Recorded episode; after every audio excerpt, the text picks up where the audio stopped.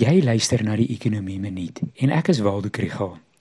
Februarie maand se verbruikersprysinflasiesyfer wat gister bekend gemaak is, beteken dat die repo koers vir langer hoog gaan bly. Hierdie episode word ondersteun deur Predictive Insights en die NWI Sakeskool.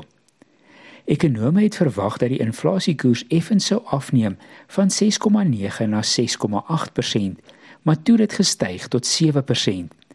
Dit is nie 'n groot verskil nie, maar 'n beweging in die verkeerde rigting. Dit is spesifiek die koste van voedsel en vervoer wat skerp gestyg het. Die stygings in die brandstofprys was veroorsaak deur die verswakking van die rand-dollar wisselkoers.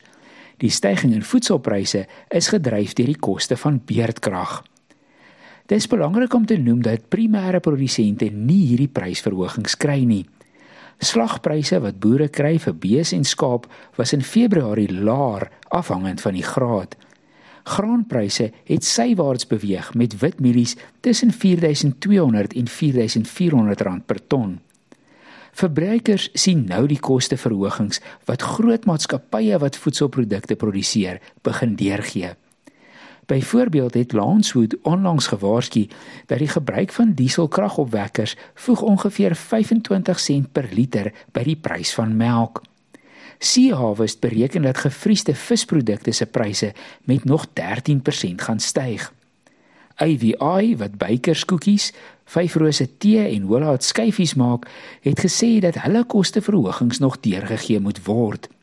En so gaan dit deur die bedryf. Die groot kruidenierswinkels se koste is ook hoër.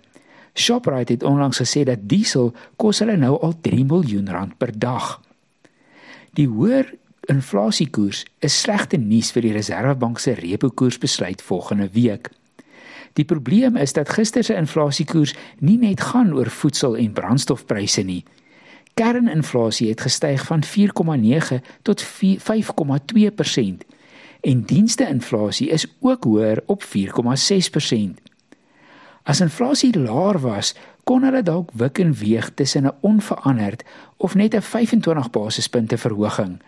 Maar met so 'n styging gaan hulle nou wonder oor 'n 25 of 'n 50 basispunte verhoging.